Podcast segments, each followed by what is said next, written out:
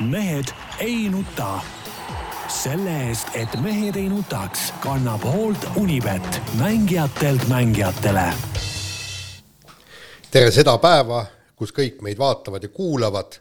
mehed ei nuta eetris, Tarmo Paju Delfist on siin kohapeal kenasti. tervist. Jaan Martinson Delfist, Eesti Päevalehest ja igalt poolt mujalt on ka siin kohapeal. Peep Pahv äh, Eesti Päevalehest ja Delfist istub parasjagu karantiinis kodus kenasti mask ees või silmadel või kus kohas tal on, vastavalt äh, EKRE reeglitele, sest äh, saabus äh, koroona piirkonnast ehk siis välismaalt, justkui nagu meil seda koroonat ei oleks. ja Peep, räägi, oled sa nüüd positiivne, negatiivne, mis asi sa üldse oled seal? no tähendab, kõigepealt tervist, tervist ja, ja Jaan, sa muidugi nagu alati kogu sinu jutt on eh, segane nagu pudru ja kapsad, et, et eh, mingit karantiini loomulikult eh, otseselt ei ole. nii kui saabusin eile õhtul lennujaamas, andsin kohe järjekordse koroonaproovi. varsti ma vist olen juba toimetuse meister nende proovide andmises ja, ja, ja nüüd, kui peaks täna päeva jooksul tulema sõnum, et olen negatiivne, siis võin tööle asuda, nii et, nii et ega siis muud midagi pole, lihtsalt täna tänase öö ma siis niimoodi igaks juhuks koju tulles eh, eh, veetsin eh, saunas siin, et, et, et, et mis siin ikka. no eestlased on saunas ikkagi sajandeid elanud ja, ja. ja mitte ainult, saunas sünnitaid, sünniti, saunas surrakse ja saun ongi nagu meie elutsenter, aga ei, Peep, sa oled karantiinis kuni testi tulemust. ma täpsustan, ole, ole Jaan nüüd korrektne ikkagi, ma tean, et see korrektsus ei ole sinu elus ja ka ajakirjanduslikus karjääris olnud võib-olla nagu esikohal ikkagi no, kõikide ju... kriteeriumide juures, aga kodune isolatsioon peaks olema korrektne väljend siis. no ütleme niimoodi, et, et faktidel ei tasu head, head lugu kunagi äh, ära rikkuda. ja tegelikult tasub täpsustada, et, et äh, Peebu, osake Peebust on meil siiski siin stuudios ka kenasti olemas. Panime igaks juhuks talle maski maski ikkagi ette ka, et Ekrelikult. ja täpselt, täpselt nii-öelda Mart Helme stiilis ikkagi ma ei, ma ei näe, mis, mis roppustega te tegelete, aga teie, teie iroonia maskide osas muuseas on äh, minu arust täiesti äh, põhjendamatu, et, et olles tulnud siuksest kohast nagu Sardiinia. ei, Peep, see ei ole iroonia üldse, vastupidi, see ongi selleks, et meid kaitsta siin Jaaniga. oot, oot, ma nüüd räägin, lase ma räägin lõpuni, kuidas asjad tegelikult on. Siis äh, Sardiinias on maski kandmise kohustus kakskümmend neli tundi ööpäevas ja seitse päeva nädalas ja mitte ainult siseruumides, vaid ka, ka välisruumides. välisruumides saab käia ilma maskita ainult siis, kui, kui sul on võimalik hoida teistest inimestest distantsi, aga kui sa näiteks satud kõndima seal kuskil kesklinnas, kus teised inimesed sulle vastu tulevad ja, ja lähedalt möödud, siis peab olema mask ees ja, ja, ja seda muuseas seal ka väga, väga täpselt järgiti, et kui, kui ma jalutasin oma oma äh, hotellist äh, ralliparki nii-öelda intervjuusid tegema sinna intervjuude tsooni, äh, siis seal kalda peal, no Jaan teab seda kohta, eks ole, seal on Just. päris elav, elav inimeste liikumine ja, ja seal ühtki ilma maskita inimest ei näinud ja keegi ei kandnud seda kuskil lõua all, vaid, vaid see oli ikkagi kõigil, kõigil ilusti ees, nii et selles suhtes ma arvan, et see maskivärk siin Eestis, see teema üldse üle pingutatud, et, et kui et, et seda kas peab kandma või ei pea, et minu arust võiks selle ette panna rahulikult ja, ja pole, pole midagi hullu. Ja kui ma ka lendasin, siis ma mõtlen kogu see jutt sellest lenda, lendamise ja reisimise mingist ohtlikkusest on ka mingi paras, paras kuradi umbluu, eks ole, et kui äh, sellest hetkest, kui sa äh, lennujaama astud, paned maski ette ja eest ära võid seda võtta ainult, äh, ainult siis, kui sa, ma ei tea, jood pudelist või, või sööd kuskil laua taga ja, ja lennukis kogu aeg mask ees, et, et siis ju kui kõik kannavad maski, siis ei saa ju midagi eriti sealt kuskilt läbi tulla, mingi viirus. Äh, Peep, see, see rallipark äh, on ju hästi lähedal seal Sardiinias plääžile ja tee mulle nüüd selgeks, kui inimesed päevitavad, kas neil on ka mask ees ja päevitavad endale niisuguse maski kenasti näkku? Jaan, sa oled rumal nagu alati. esiteks suvi on ammu seal lõppenud, ütleme seal ujumas käisid ainult minusugused äh, inimesed, kelle jaoks see vesi oli seal niisugune tavaline Eesti, Eesti merevesi ja temperatuur oli niisugune tavaline Eesti suvetemperatuur. et seal niisama päevitamas ma pläži peal kedagi ei, ei näinud enam, et mõned inimesed seal istusid äh, dressipluusides ja dressipükstes toolide peal, mõned vanahärrad ja vanadaamid, et, et mingit päevitamist seal polnud, aga, aga ütleme, pläžil sa kindlasti ei pidanud eh, maski kandma, see on, see on ka selge.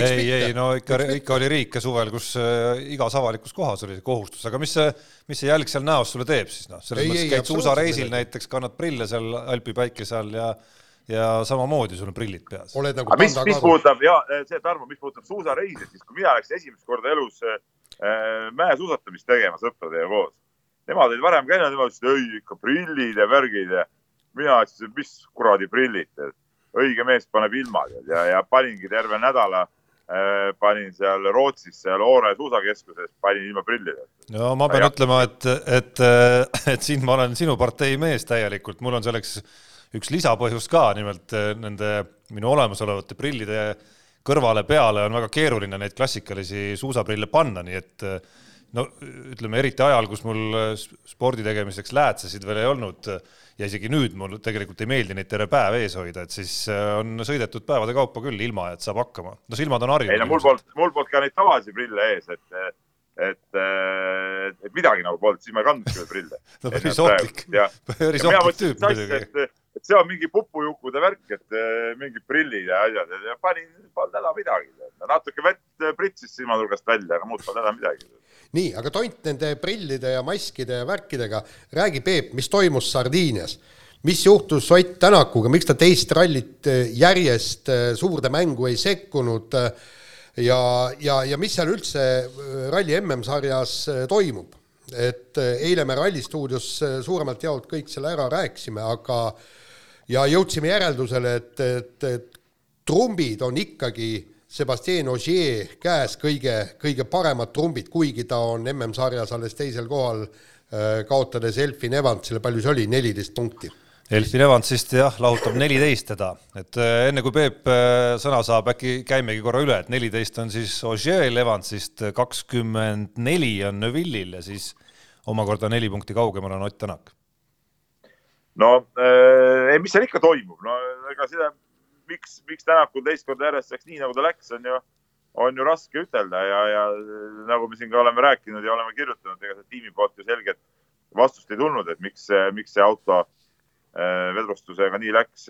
siin ju spekulatsioonid olid ja, ja pildid liikusid, et võib-olla seal esimesel kiiruskatsel mingi asfaldinukk oli see, mis, mis auto ära lõhkus, aga võib-olla ka ei olnud ja, ja noh, seda on nagu raske, raske hinnata Tänak ise võttis ju sellest olukorrast ju maksimumi, mis võtta andis pärast seda, kui esimesed neli kiiruskatset olid sõidetud, palju aega oli kaotatud. oli ju selge, et sealt on tõusta ainult paar kohta puhta sõiduga. pluss siis punktikatse punktid ja nii ka oli, eks ole, et kaks kohta ta võttis tagasi, punktikatse võitis, et selles suhtes äh, tegi, tegi oma tööd äh, korralikult, et ega seal midagi muud rohkem püüda ei olnud.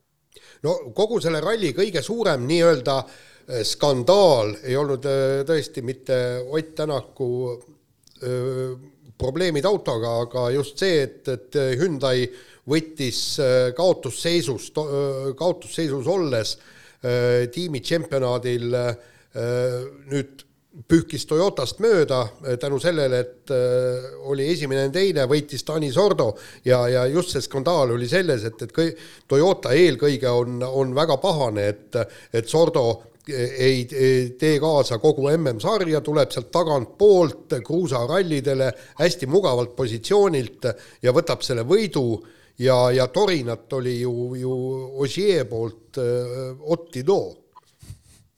no see on, Torinat võib olla, Torinat on varem ka olnud ja mitte ainult Ogier poolt, vaid terve Toyota tiimi poolt, et et ega, ega siin midagi teha pole, noh, et reeglid seda lubavad ja, ja midagi ette heita Hyundai'le sellise taktika kasutamise puhul ma küll ei näe nagu mingit põhjust, et, et, et ikka neid võtteid, mida tohib kasutada, neid, neid tuleb ka kasutada. ja, ja e, tegelikult ju on äh, Hyundai kogu aeg öelnud, et nad mängivadki stardipositsioonidega.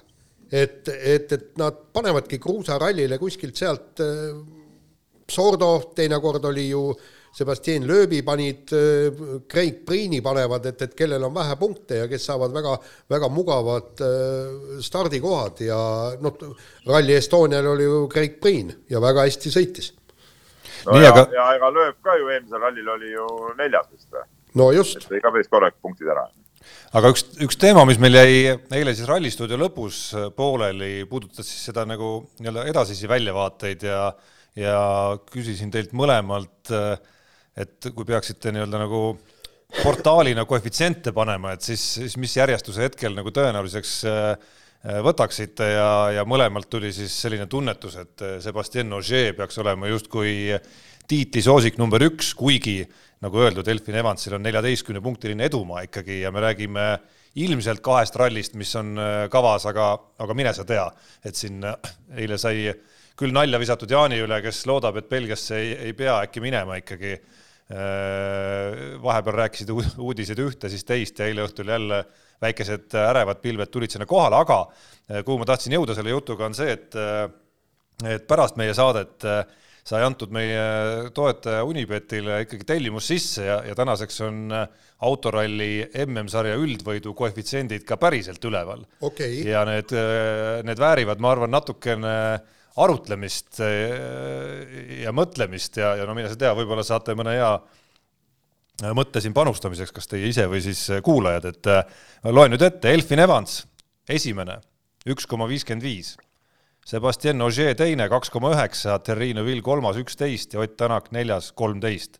no ütleme niimoodi, et, et nende koefitsientide juures kohe lähen võib-olla kas siit saatest tohib korraks ära minna? ei no Lähen... telefon on, ma ei tea, kus sa panid selle? ei, ei mul telefon taskus, aga ma telefoniga ei oska neid, telefon on muide rääkimiseks, aga mitte telefon on helistamiseks, jah. ma ei tea, miks teil nutitelefoni kasutada jääb segaseks siis, aga ei no okay. sellepärast, et kästi, firma käskis. ei ole käskinud keegi, ära hakka, okei okay oot-oot, ei ole sind käskinud keegi. on, sellepärast et ma pean sellega tegema videosid ja, ja kõike muid asju. no selleks sa võid kaamera ka kaasa võtta ei, mulle öeldi, et ma ja kusjuures firma ju soetas mulle mobiiltelefoni. nii, aga?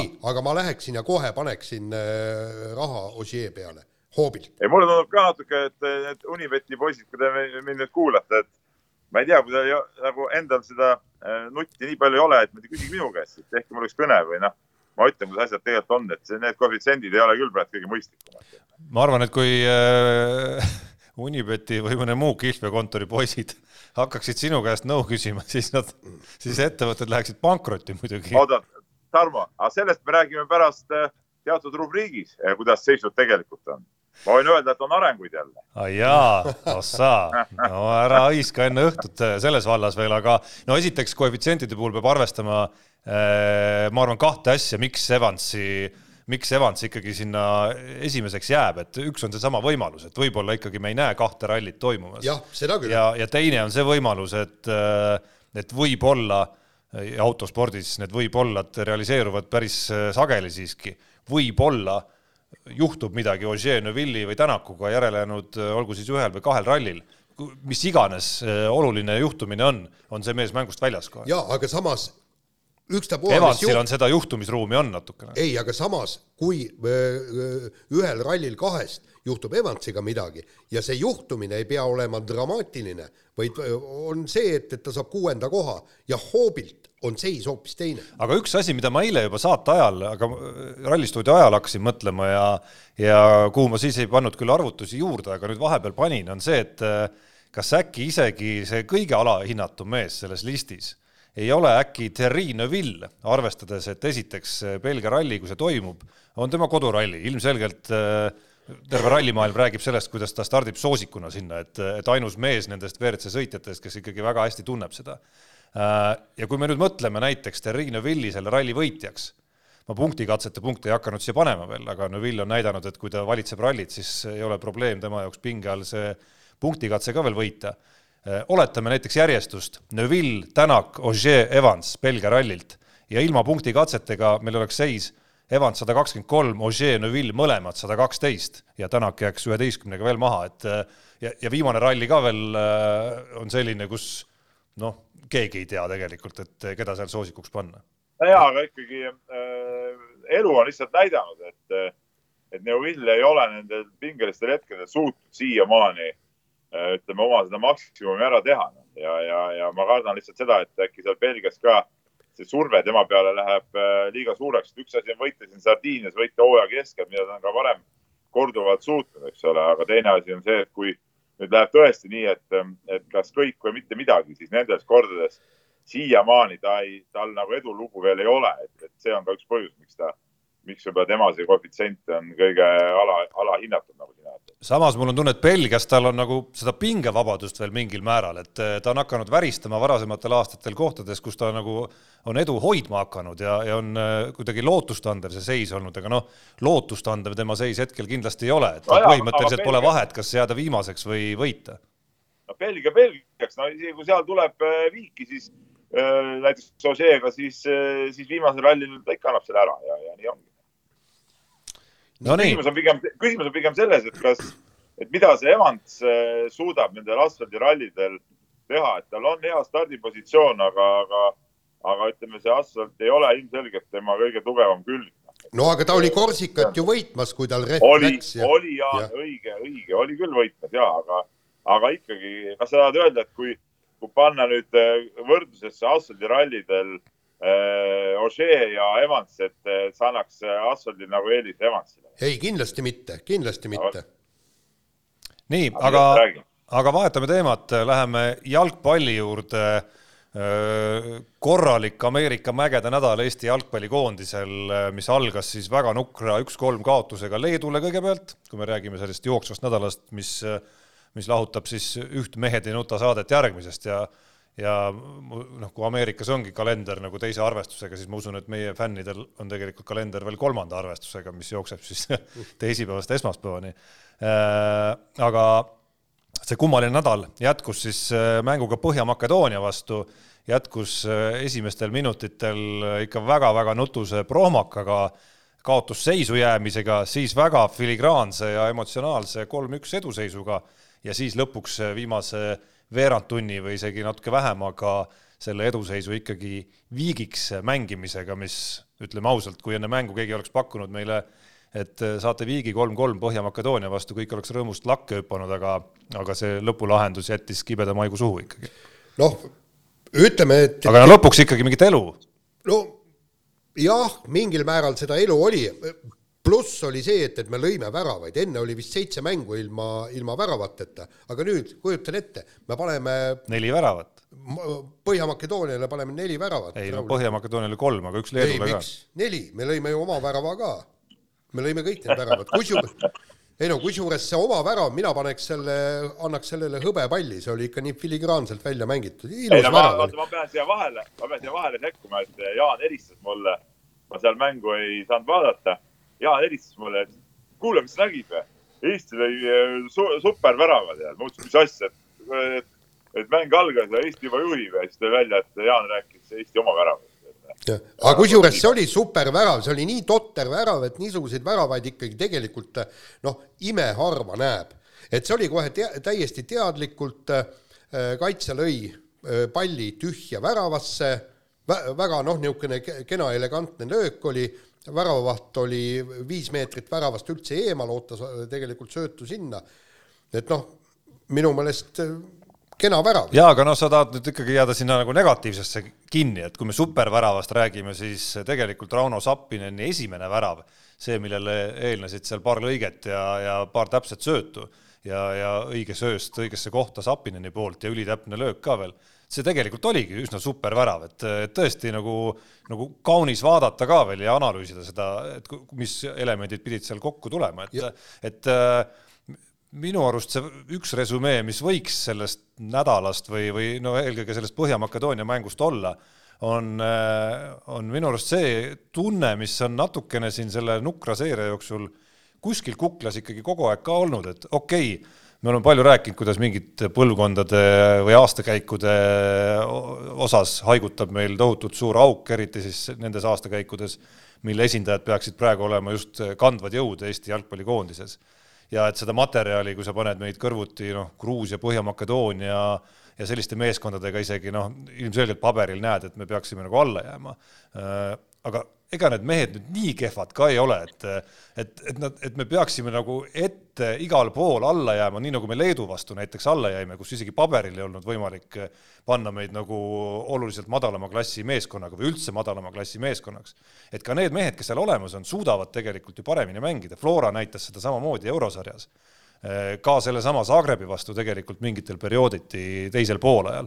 ehk siis ehk siis see on ka küsimus tegelikult ju, ju treeneritele, nendele mängijatele, et nad tege-, tegelikult on suutelised enamaks kui see, mida nad siin viimase, viimaste kuude jooksul on näidanud. ja ei, ja ei, selles suhtes, Tarmo, Tarmo, sul on täielik õigus, et ma siin meie nii-öelda jalgpallispetsialisti Madis Kalvetiga ka enne seda äh, pühapäevast mängu arutasime telefonis, et, et kuidas saab olla nii, et, et Flora mängib Euroopas normaalset jalgpalli ja siis äh, Eesti koondis, kus on sisuliselt tegelikult samad mehed, äh, ei, ei suudeta nagu mängida. et, et mina näen ka, et siin on ikkagi treeneritel on päris palju põhjust peeglusse vaadata ja see üks, üks viigimäng või üks hea sooritus veel veel ei ole see, mis, mis neid kindlasti rehabiliteeriks, et nende, nende senine tegevus on olnud minu silmis küll alla, alla lati ja, ja, ja, ja, ja siin on nagu mõtlemisainet, et kuidas, kuidas see koondisega edasi minna, et, et mulle tundub, et selles koondises ikkagi on nagu rohkemat sees, kui on eh, nendes mängudes välja võetud ja, ja seda, seda ju eh, Madis Kalvet tõi ka välja oma artiklis, eks, et tema vaatas ka kaugemale, mitte ainult äh, Äh, praeguse Eesti koondise mänge, vaid, vaid ta ütles, et, et äh, üldse äh, peatreeneri Karel Voolaiu meeskonnad on läbi aegade osanud mängu lõpud ära väristada. ja, ja, ja si-, siin nüüd absoluutselt jälle, eks sa oled kolm-üks sees ja, ja vot seal oligi, kaitsjad tegid ka ju paar prohmakat, kuskohast vähemalt üks värav sealt tuli. et samamoodi oli, oli ka Leeduga nii kui öö, kaotusseisu jäädi, jällegi ääretult totter ju värav, eks, kaitsjate eksimusest värav ja sealt läks ju mast täielikult maha. Ja siis peatreener ütleb, et noh, ta oli pettunud, et, et mehe, meestel niimoodi mast maha läks ja ta-ta-ta, ja see ongi sinu töö ju, neid inspireerida, neid innustada, neid korralikult mänguks ette valmistada, võitlema. eks võtame selle, eks Tarmo Rüütli see oligi tema suur pluss, et ta pani need mehed mängima, endast andma rohkem, kui neil tegelikult sees oli. Et ega tal äh, muidugi noh, mingit, mingite piirideni nagu ei ole ju neid vahendeid enam, et äh, okei okay,, poolajal on võimalik teha kõnet näiteks, midagi on seal platsi kõrval, eriti ajal, kus publikut kohal ei ole, on võimalik seal ikkagi utsitada ja, ja hüüda, on ju. aga noh, võtta seesama Põhja-Makedoonia viimane värav, et panna seal äh, Pavel Marinit nii-öelda nagu äh, jääma oma mehe juurde versus, versus see nagu äraliikumine sealt. no see on koht, mida mul on, mul on tunne, et peatreenerile väga raske ette heita. no ütleme niimoodi, kui me võtame Leedu mängu, siis mehed peavad minema väljakule äh, hingestatult, et see null-üks kaotusseisu jäämine ei ole probleem, ka null-kaks ei ole probleem, me tuleme sealt välja. et me, me, me ei lange sealt äh, ära ja, ja täpselt samamoodi, eks, et, et, äh, et mõistus säiliks ka viimastel minutitel, kõike seda ju noh, saab, saab meestele sisendada, no okei okay, selge see, et, et, et, et see, see ei ole nagu arvutimäng, eks, et, et sa juhid neid mehi kõik, eks, aga, aga see, et, et kui, kui räägitakse, et siit sinu meeskonnad mängu lõppudes kogu aeg vajuvad ära, no järelikult on kuskil mingisugune kala sees. nii, kas räägime korvpallist ka? räägime korvpallist ka jaa, eh, mis toimub üldse korvpallis, eh, Kalev eh, Cramo istub, no vot, ütle nüüd termin. isolatsioonis. isolatsioonis, jah, okei okay., on isoleeritud seltskond. Venemaa korvpall on, nagu selgub, koroonat täis, kaks meie kohtunikku tulid seal kenasti tagasi ja mõlemal olid need rohelised pisikud, vaata, mis piltidel kujutatakse, kõik olid nina sees ja, ja ka Euroopas on vist äh, korvpall ja koroona äh, kohati päris sõbraks saanud ja Eestis, äh, kuidas, kuidas see on, mõned mängijad on ju ka viirusega, et, et ühesõnaga korvpall võrdub koroona või? no ei, ta nüüd selline huvitav äh, paralleel sulle siis, aga kui nüüd nagu Venemaa, Venemaa klubidest rääkida praegu, et seniidist ja Himkist, siis, siis see on nüüd praegu minu arust nagu äh, teema, millest saab nagu kahest nurgast vaadata, et esiteks äh, on see nüüd see hetk, kus tulevad välja riikidevahelised erinevused äh, koroonaviirusega seotud reeglites, et eelmisel nädalal näiteks Sloveenias sai Sloveenia klubi Ljubljana Cedevita eurokapp sarjas null kakskümmend kaotuse ja noh, sisuliselt see jada käis siis selliselt, et neil oli juhtum meeskonnas, ma täpselt ei tea, kas oli neid üks või kaks Äh, või rohkem, aga kuna Sloveenia reeglite järgi see tähendas, et ülejäänud meeskond, kui nii-öelda juriidilise termini järgi või praeguse ajastu termini järgi lähikontaktsed äh, pidi jääma nii-öelda isolatsiooni või karantiini, siis see meeskond ei saa nagu kümmekond päeva või kaks nädalat aktiivselt edasi tegutseda. no sama on tegelikult ju Kalev Cramoga.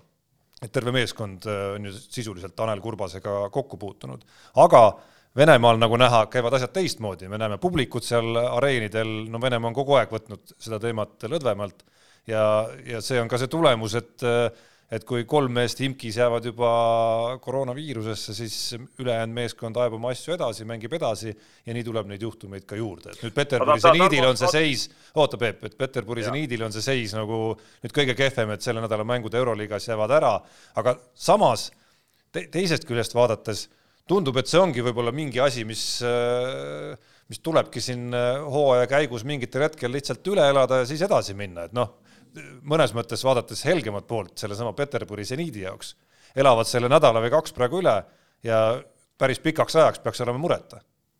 seda küll ja teine asi on see, et sa praegu jätsid sellise mulje nagu, nagu sellised äh, reeglid oleks saanud Venemaal, aga, aga täpselt samasugused reeglid on ju ka näiteks Hispaanias, äh, paljudes, paljudes muudes riikides ka, kus ka jalgpallis, kui äh, mõni mängija või paar mängijat jäävad koroonasse, siis need lülitatakse nii-öelda vigastatud mängijate hulka ja, ja teised panevad kõik edasi, et et, äh, et midagi juhtus, see ei ole ainult nagu mingi Venemaa teema, vaid see on paljude riikide teema, selliseid riike, kus, kus tuleb jääda karantiini nagu Eestis ja Sloveenias on tegelikult just äh, vastupidi nagu ilmselges vähemuses aga Peet, tehke nüüd. ei no absoluutselt, Šarunas Jassikevitšus minu teada täna õhtul peaks juhendama juba Barcelona meeskonda uuesti äh, umbes vist, vist kümme päeva pärast seda, kui tuli uudis tema positiivsest koroonaproovist ja meeskond ise käis vahepeal mängimas siis Venemaal ja seal vastas jooksis ka mehi, kellel hiljem proov oli positiivne. tehke mulle no, selgeks. Nad ju mängisid ikka kuulsa seniidiga ju. just.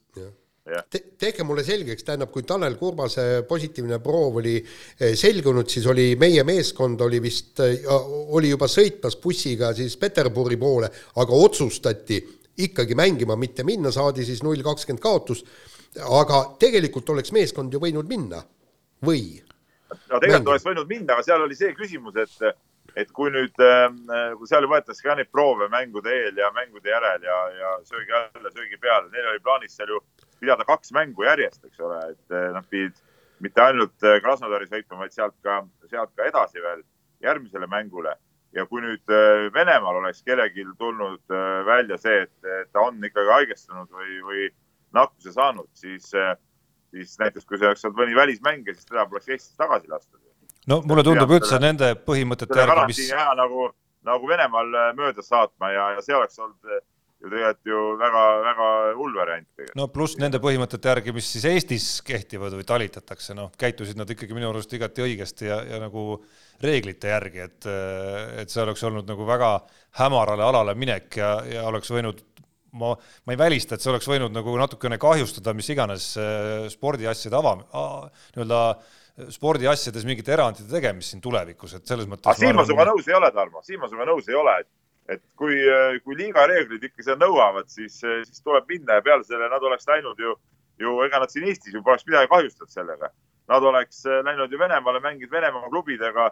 Eesti inimesi see poleks mitte kuidagi puudutanud, et nad olid nagunii juba kõik koos olnud ja, ja seal ei ole nagu, nagu mingit vahet, aga küsimus ongi just selles, et, et miks mitte minna ja see on nagu ainuke põhjus, miks mitte minna, ongi see, et kui mõni välismängija oleks nüüd eh, selle reisi ajaldud välja, et ta on ikkagi haigestunud, siis ta ei oleks saanud Eestisse tagasi Eesti seaduste järgi, see, see on ka ainuke põhjus, miks, miks tasus eh, sellest reisist loobuda, mingit no. muud, muud põhjust ma siin ei näe. no ma täpselt ei tea, kas nad olid jõudnud Eesti piiri seest välja selleks hetkeks ei või ei olnud, no ei järelikult, järelikult Peep, sellel hetkel, kui nad said teada, et Kurbase proov on positiivne, siis reeglite järgi lähikontaktsed ehk ülejäänud meeskond pidi minema isolatsiooni, ehk siis ei, nad ei oleks tohtinud reisi Venemaale jätkata ei, seda küll, aga, aga nad olid ju oma bussis, nad olidki isolatsioonis muudest inimestest ju, nad sõitsid oma bussiga ju.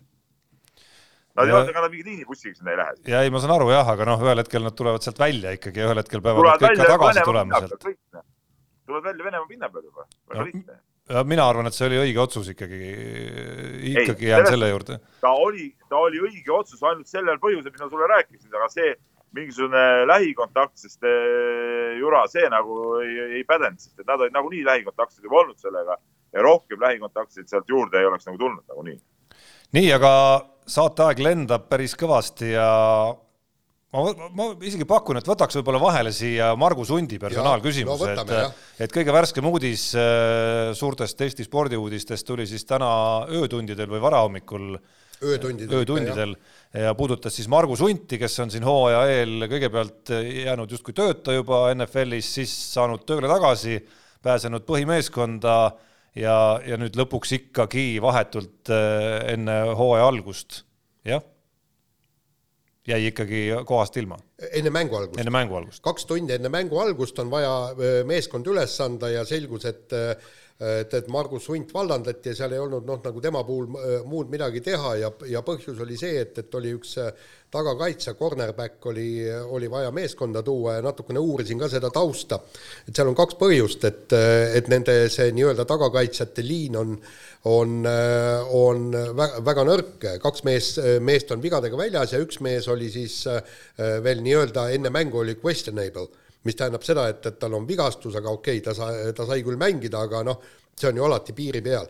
nii, ja teine, teine küsimus, miks ähm, hunt vallandati, oli, oli see, et äh, Markus Davenport, kes on selle kaitseliini kõige kõvem äss ja kes on vigastusega väljas olnud, tänu millele tegelikult äh, hunt esialgu sinna meeskonda üldse pääses et äh, tema olevat juba nii terve, et ta, loodeti, et ta tuleb juba selleks mänguks tagasi ei tulnud, aga, aga seal ongi just see totter süsteem, eks, et et sul on viiskümmend kolm mängijat ja kes on põhi, põhikoosseisus ja, ja sa ei saa panna nagu kuidagi pingile istuma või noh, nagu saata mõnda teise meeskonda või midagi niimoodi, sul peab paberil olema viiskümmend kolm meest.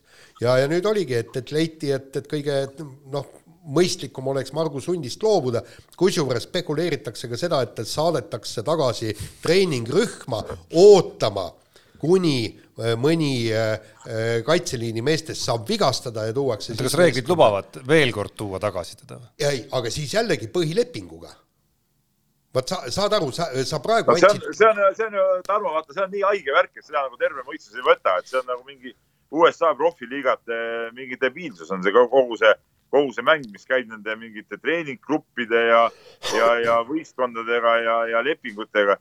Jaan, tee mulle selgeks, kas Hunt oli selle positsioonil selle võistkonna kõige kehvem mees või? minu arust sai ju palju mängida. ei, ta ei, ta ei ole kõige kehvem mees, aga, aga, aga ilmselt on jällegi mingisugune põhjus, et keegi ei saa teda sealt ära võtta, see on jällegi, see on, kuna ta on veteranmängija, tema kohta kehtivad teised reeglid, et, et, et jääb täpselt niisugune mulje, et et umbes öeldakse mehele, et, et okei okay,, me lõpetame sinuga lepingu ära, mine istu natuke kodus, tee trenni samal ajal kõik niimoodi ja ta, nad võivad ju selle hundi igal ajahetkel uue, uuesti tagasi kutsuda. ei no aga siin on ikkagi kaks küsimust, millest esimene on, kas hetkeseisuga teda seob miski veel sama klubiga või mitte? leping on läbi? leping on läbi. kuidas see, kuidas see rahaliselt välja näeb, ta lihtsalt jääb ilma kõigest sellest, mis ei. oli ette nähtud või ikkagi ei lepi-, lepingus ongi niimoodi, ta, ta sai lepingu allakirjutamise tasu, mis oli midagi sada üheksakümmend tuhat äh, dollarit, pluss siis tema põhipalk oli siis üheksasada viiskümmend tuhat äh, dollarit ja kõik nii.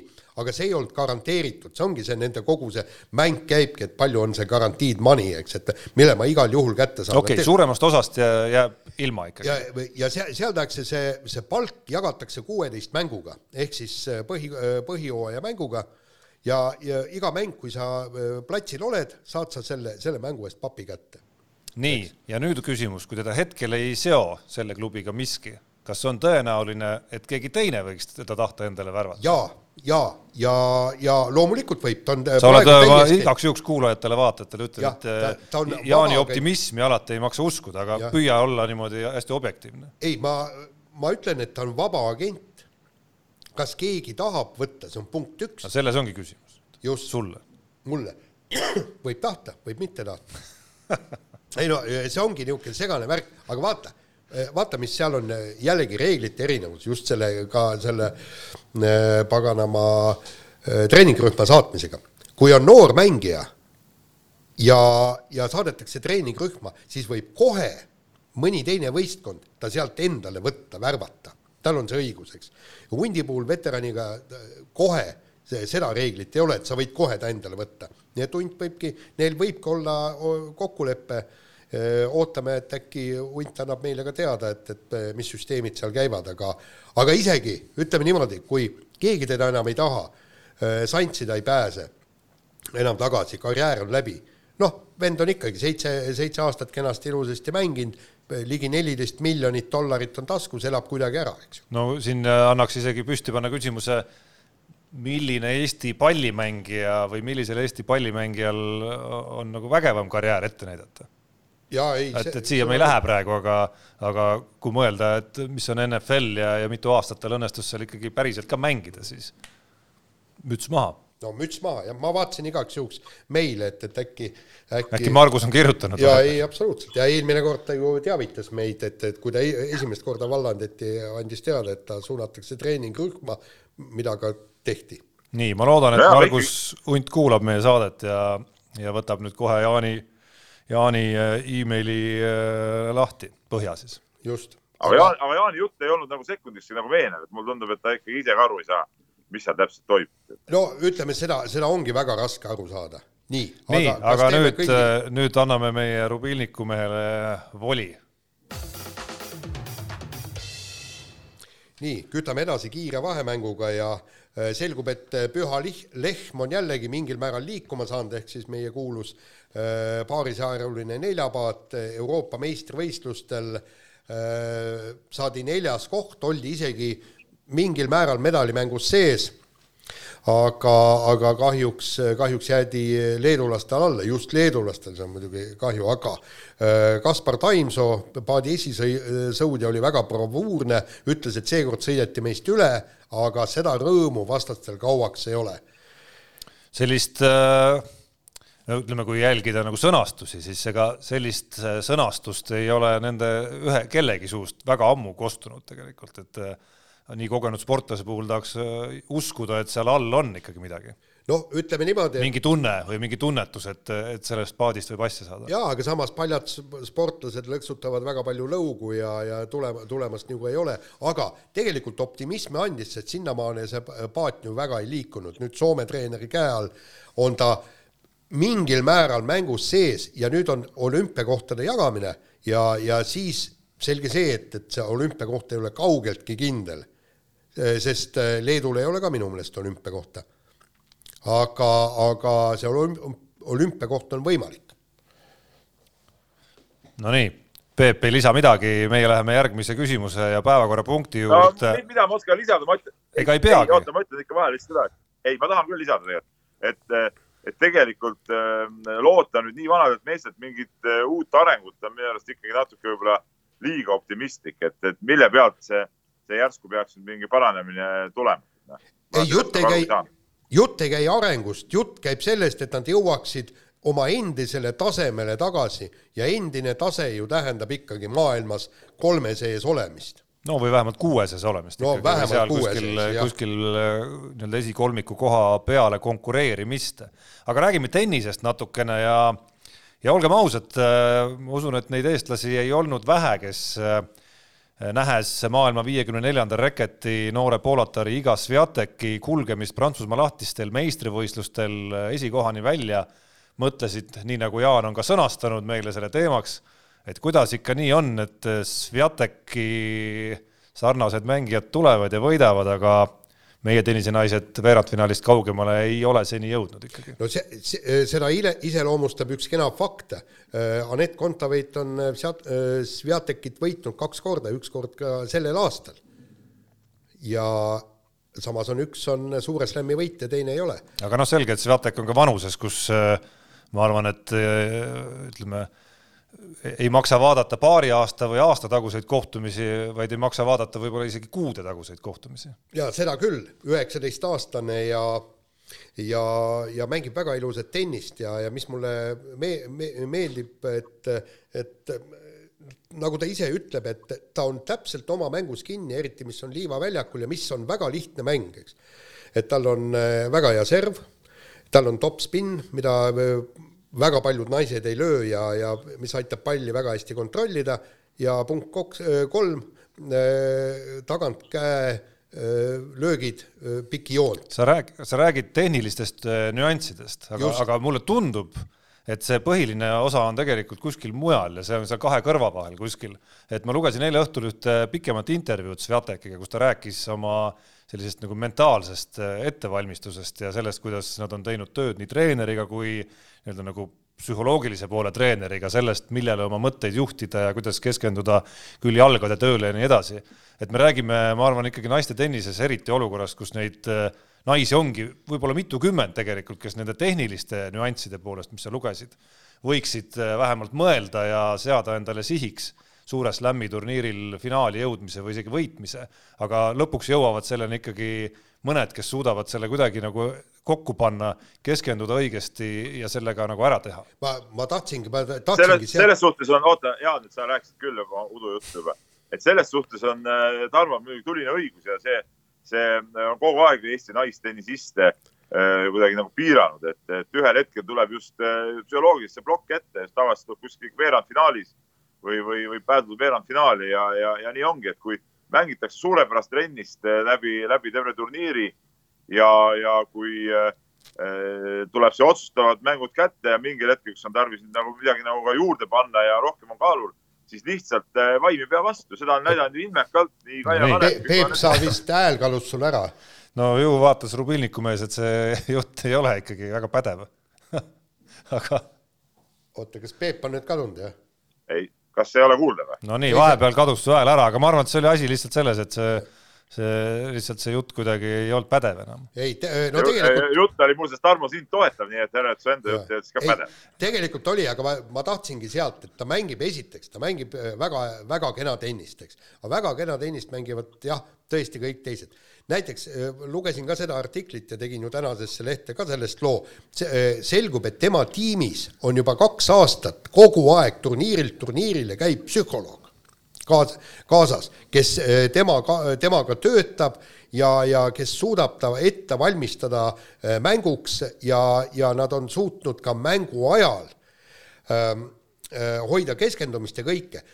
Tarmo, sa oled golfimängija. no kusjuures ma tahtsin just äh, teema viia samasse kohta, et just. mul on tennisega vähe kokkupuuteid, aga üks asi, mis ühendab tennist ja golfi, on see, et seal on nagu punktide vahel, okei okay,, tennises mitte nii suured löökide vahel äh, või game'ide vahel ja iga palli mängimise vahel on ikkagi ju pausid vahel mis tähendab, et see aeg, kus sa suudad hakata mõtlema ja sealhulgas suudad hakata valesti ka mõtlema, valesid mõtteid Äh, on päris suur ikkagi, mis tähendab, et, et seal, sellel alal peab olema see, see pool ettevalmistusest väga oluline. ja, ja, ja kusjuures seal on ju absoluutselt selge see ja nagu ka Sviatek rääkis, nad olid treeneriga kokku leppinud või selle psühholoogi, psühholoog, sa ei tohi mõelda ühelgi hetkel tšempioni tiitlist finaalmängu ajal.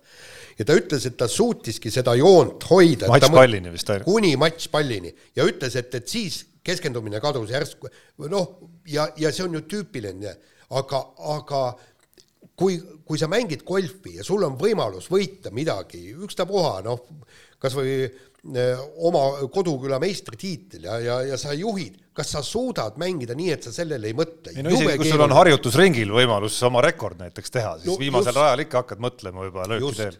et, et sii-, siit igal juhul noh, ütleme, et, et äh, Kaia Kanepi karjäär hakkab äh, õige pea vist läbi saama, noh, mängib äkki aasta-kaks, loodame väga, et veel, aga Anett Kontaveidil kindlasti.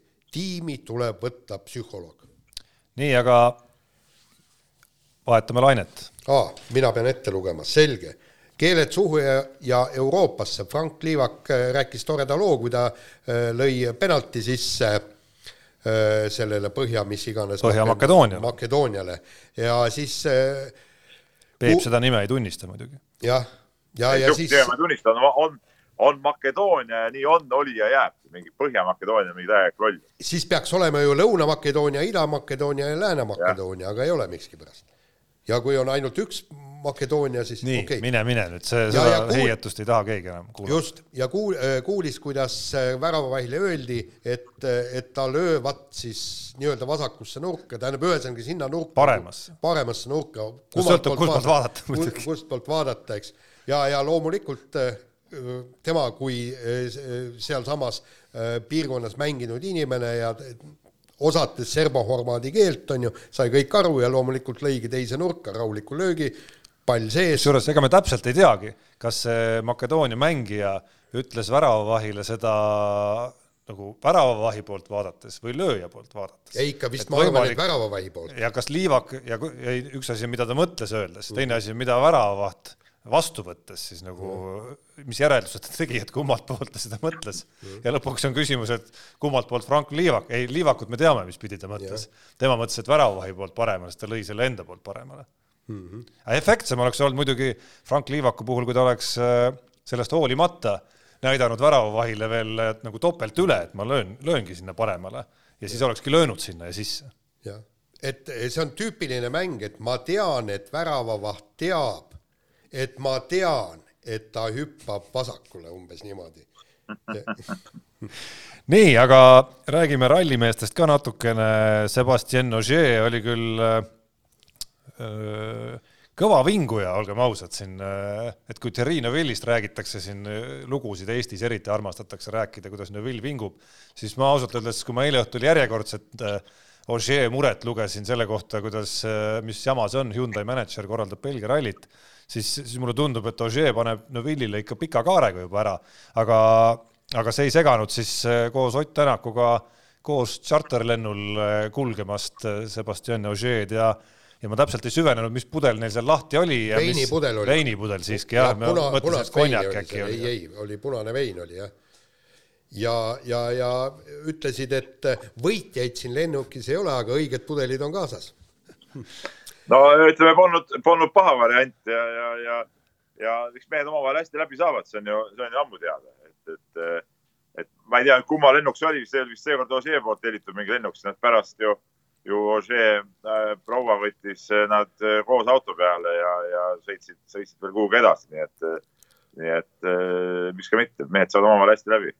Nojah, päris huvitav küsimus, kui hooaja lõpus viimasel hetkel võib-olla tekib näiteks see olukord, et kellele ta näiteks sekundi ehituses lõpuks siis pöialt rohkem hoiab, kas Neville'ile või Ogier'le näiteks, kui enda tiitlišansid on läinud. no just, seda nüüd ei tea, aga nüüd teine asi, huvitav, kui Ott Tänak võtab äh, Ossier oma lennuki peale, siis mida tema pakub? Põltsamaa.. Põltsamaa kuldset või? aga miks ka mitte. head džinnid on Eestis näiteks siin äh, ise tehtud, siin val- vallutavad erinevatel konkurssidel esikohti. Nojah No- no,, kõik Vana- need, kõik vanakaga need ma arvan- õlled, käsitöö džinnid ja asjad, need ei kõlba kuhugi. ma arvan, et, ma arvan, et vanakaga vist Ogier'le ikkagi ei lähe päris, miks? vanakas, jumalate jook täielik. ei tea, kas Ogier ka sedasama arvab siiski. ei, aga aga miks ka mitte, kas saad ütelda sulle Vana-Tallinn ei maitse? ei, Vana-Tallinn on väga okei okay,, Peep, sa tead, et mul ei ole Vana-Tallinna vastu midagi. jaa, aga, aga sa nüüd, Tarmo, mõtle, eks. tähendab, oled lennuki peal ja sul ongi kaasas ainult Vana-Tallinn. ja sul on paar tundi lennata ja, ja sul ei ole ei veini, ei õlut, midagi, ikka hakkad pruukima. ütleme, et kui nad järgmisel korral tulevad Tänaku tellitud lennuga ja vanakaga, siis ma arvan, et see jätkuvideo, mille postitas siis äh, Ogier abikaasa või, või kaaslane, see saab olema ka oluliselt lõbusam kui see, mis sealt antud juhul tuli. no just, nii ja kiirvahemängu äh, lõpetuseks äh, selgus äh, NBA tšempion äh, Los Angeles Lakers äh, ja Lebron James krooniti võitjateks ja kas hurraa, te olete, nagu ma saan aru, Lebron Jamesi suured fännid. ma ei ole Lebron Jamesi suurim fänn äh, nagu mingis mõttes, et, et ma olen vist öelnud ka seda siin saates, et see selline äh, ristiisalik olemine, mille ta on võtnud kuidagi äh, selline, nagu ta oleks NBA juht ja, ja, ja mis tiitlid kõik veel, see mulle nagu väga ei istu ja ja kõik need otsused seal ja, ja, ja viisid, kuidas ta neid asju kunagi, see kuulus, kurikuulus decision, kus siis tehti suur otseülekanne, kuidas mees valis endale uut klubi, aga see, mismoodi peatselt kolmekümne kuue aastaseks saav mängija suudab olla sellises vormis ja, ja, ja, ja sellisel moel vedada maailma kõige raskemas liigas, kõige paremas liigas meeskonna võidule, see on muidugi müstika ausalt öeldes, et ja, ja kui ta ütles, et et ärge muretsege, et siin äh, on veel päris palju aastaid mul sees, siis ma ausalt öeldes no nagu vaadates talle peale ei näe nagu ausalt öeldes kuskilt otsast, et, et äh, vastased Lebronist vabaneks veel lähiajal.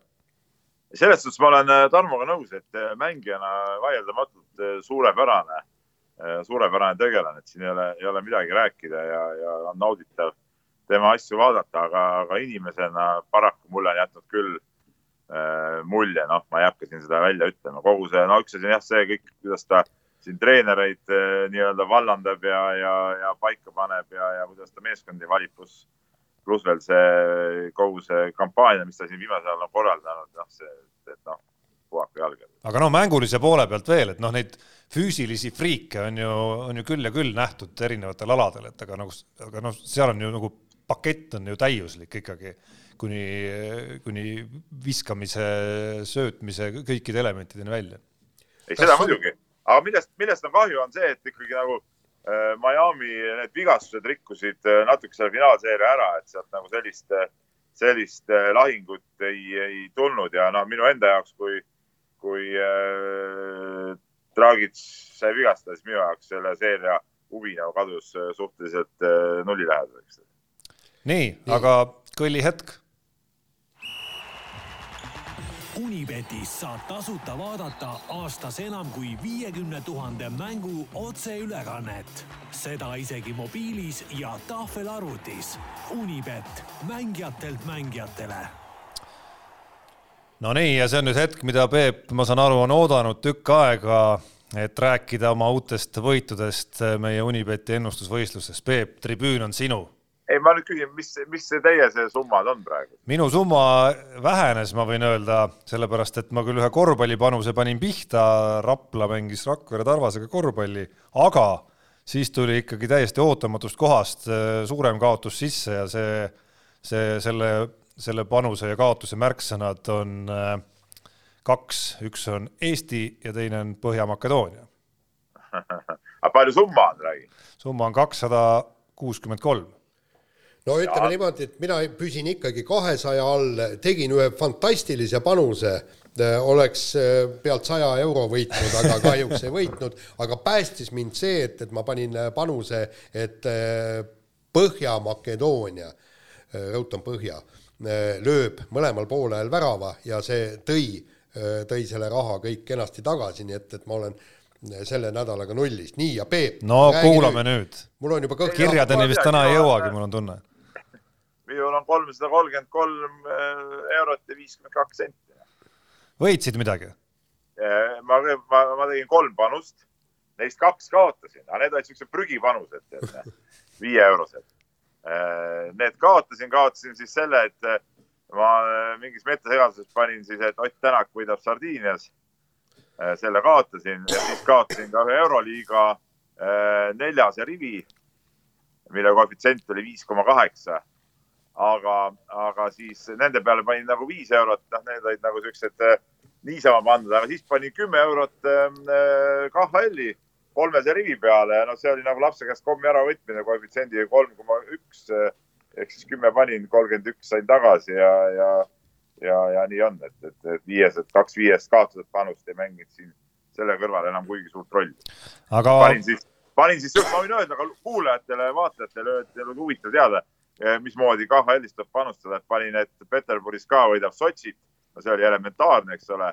Minski Dünamo võidab seda hiinlaste Red Stari, mis oli ka elementaarne ja et Jogerid võidavad Riia Dünamot kodus, no oli ka elementaarne ja, ja väga lihtsalt tuli, tuli sihuke rivi ja kolm koma üks koefitsient kokku, nii et, et noh, see on, et põhimõtteliselt võiks sellega nagu leiba teenida küll.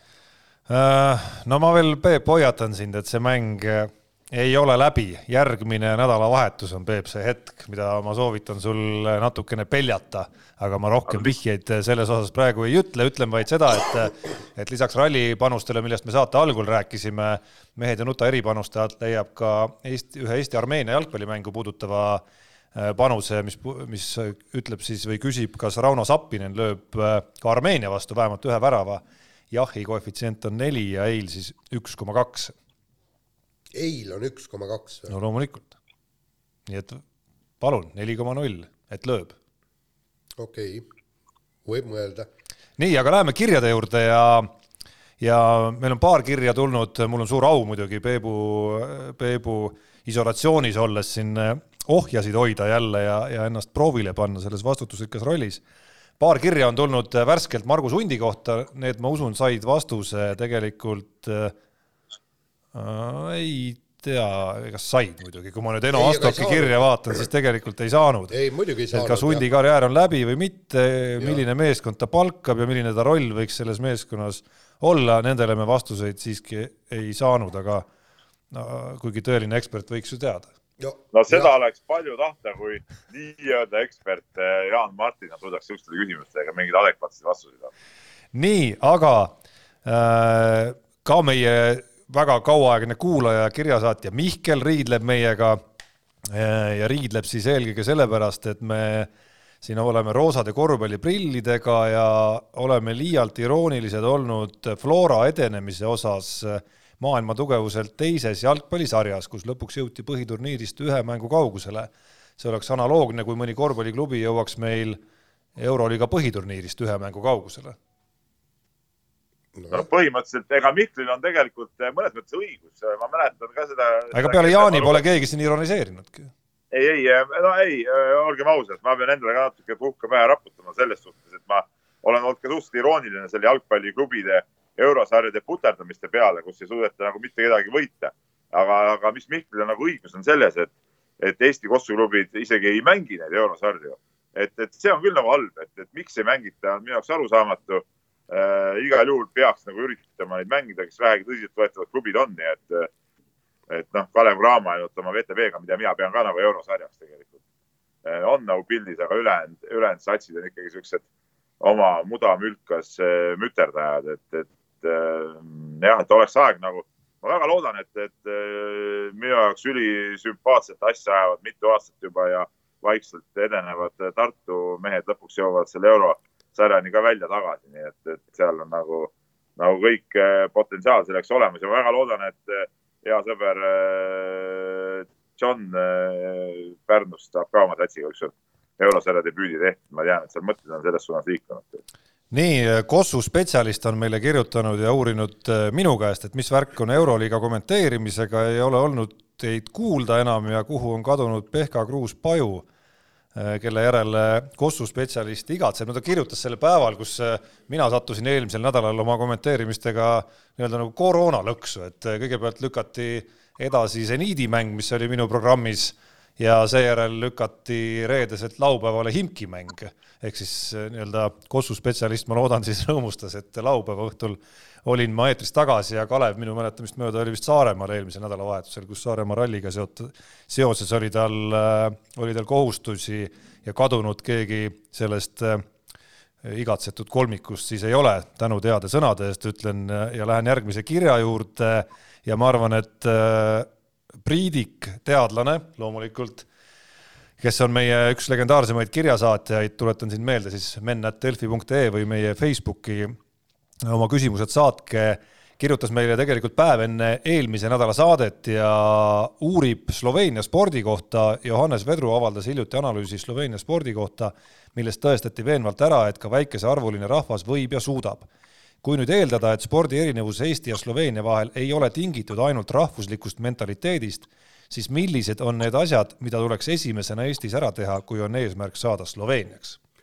no sellest me oleme tegelikult palju rääkinud ja, ja, nii mina kui ka Peep ja me oleme sellest ka ju kirjutanud, seal on, siin on kaks esimest asja, punkt üks, riigifirmad peaksid äh, paigutama raha sporti, ehk siis tulema äh, Eesti nii äh, klubidele kui ka koondistele kui ka võistkondadele igale poole individuaalsportlastele taha, punkt üks, punkt kaks, spordikoolid öö, tuleb taas luua, riiklikud spordikoolid, ehk siis, et treener ei peaks kokku kuhjama endale pearaha saamiseks öö, lapsi, vaid ta saaks tegeleda öö, peamiselt nendega head treenerid, kes tahavad jõuda suurde mängu ja hakata tegusid tegema täiskasvanuna.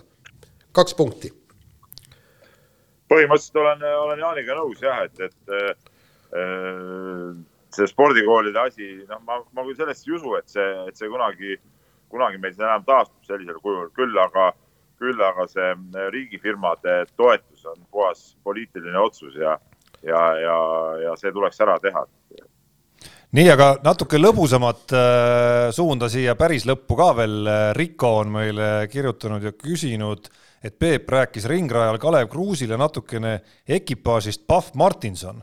oleks huvitav kuulda tausta, mis idee see on, kuidas planeerimine, kelle auto ja nii edasi, Peep, mis, mis värk on sellega? ei, ei, no see oli, ma rääkisin seda vana lugu sellest, kuidas me Jaaniga sõitsime äh, Hüvasküla rallil pärast, pärast ralli lõppu, see oli, Jaan, kas see oli äkki esimene aasta, kui me käisime seal ja esimene aasta sõitsime urja kiiruskatset. urja kiiruskatset jah, ja, ja seal ma rääkisin saates ka, kuidas see hüppes nii-öelda hüpe tuli nii äkki meile äh, ette, vaata, kui me sinna ülevalt alla auku läksime.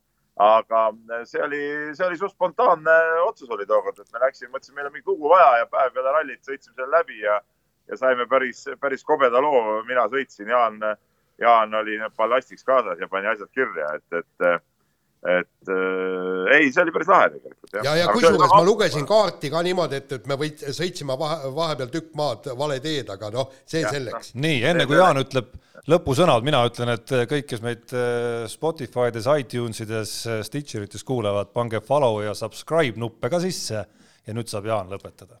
head aega. mehed ei nuta. saate tõi sinuni Unibet, mängijatelt mängijatele